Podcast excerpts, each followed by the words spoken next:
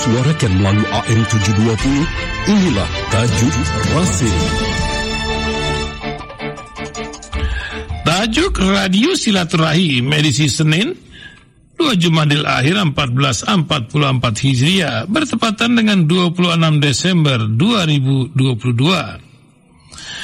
Diberi judul Safari Anis menuju hati rakyat, tulisan dari Adi Amar, seorang kolumnis. Kehadiran Anies Baswedan dalam balutan safari menemui rakyat di berbagai daerah yang memang menanti kedatangannya pecah. Tidak ada yang bisa memastikan jumlah yang hadir karena tidak ada piranti untuk menghitungnya. Tidak ada tiket dijual di sana, tidak pula amplop disiapkan sebagai pengganti transportasi mereka yang hadir. Mereka datang suka-suka. Tidak ada penggalangan masa bayaran seperti biasa dilakukan mereka yang sebenarnya tidak punya masa real, tetapi memaksa simpat sampai mesti menipu diri sendiri. Boleh juga jika itu disebut halu fata margana, ditambah bisik-bisik sekeliling yang memang bekerja untuk itu, meyakinkan sosok yang digosoknya seolah si seolah ia salah satu kandidat capres yang memang disuka rakyat. Safari Anis pastilah memantik kecemburuan pihak-pihak yang sebenarnya tidak siap berkontestasi secara fair dan dengan segala cara ingin menghentikannya. Maka, peraturan dibuat guna menghentikan langkah Anies.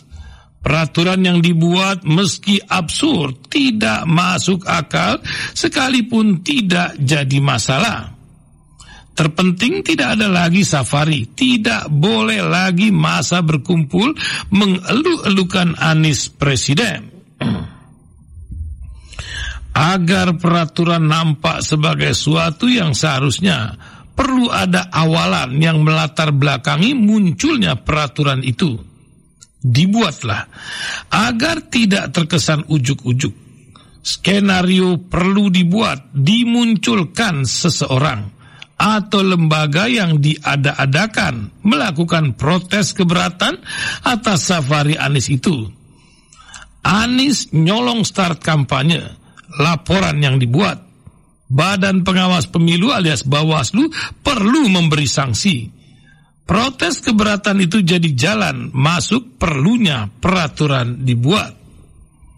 Senin lalu, Komisi Pemilihan Umum bersama Bawaslu dan Dewan Kehormatan Penyelenggaraan Pemilu menyepakati perlunya dibuat peraturan dan itu buntut safari Anis. Memang mengada-ngada, upaya membatasi gerak Anies tidak dicukupkan sampai di situ. Jika perlu akan dimunculkan peraturan susul menyusul dibuat yang bisa memasung Anies hingga jika mungkin tidak bisa bergerak. Mengganjal Anies itu sebenarnya sudah dimulai dengan tidak diperpanjangnya jabatan selaku Gubernur DKI Jakarta karena pemilu dibuat serentak 2024. Anies tetap meski disudai 2022 perlu diangkat pejabat gubernur menggantikannya. Publik mampu membacanya. Karena Anies seorang menyebabkan seluruh gubernur dan bupati wali kota yang habis masa jabatannya di 2022 dan 2023 tidak diperpanjang. Sakti benar Anies itu. Panggung Anies di Jakarta seolah dicukupkan sampai di situ saja. Dengan tidak lagi menjabat sebagai gubernur, maka Anies tidak lagi jadi sumber berita yang terus dibicarakan. Tamatlah Anies, itu pikirnya. Tapi yang terjadi tidak demikian.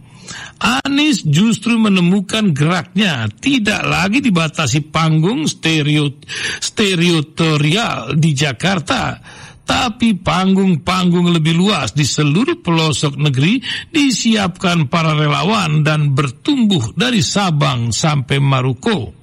Maruke, Anies makin lincah bergerak tidak terbebani jabatan selaku kepala daerah yang mustahil bisa bersafari dengan leluasa jika ia masih sebagai pejabat.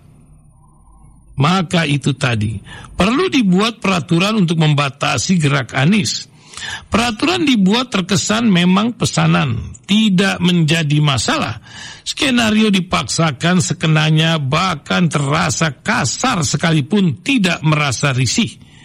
Wajar jika muncul ketidakpercayaan publik akan adanya pemilu jurdil.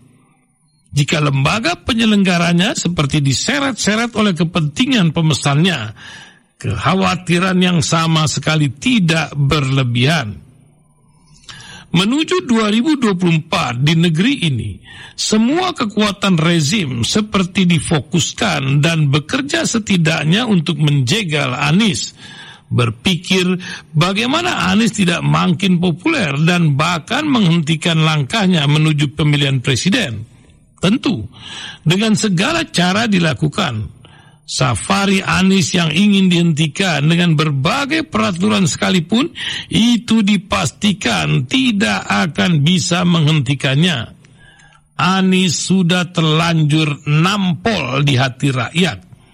Bersemayam di hati mereka yang membersamainya, yang berharap adanya perubahan di negeri ini.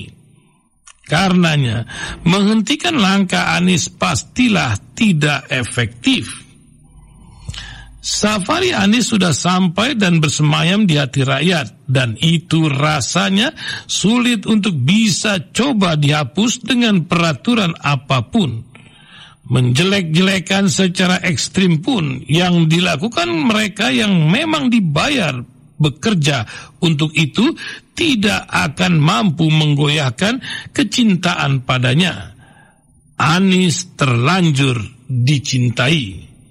Wallahu a'lam bisawab.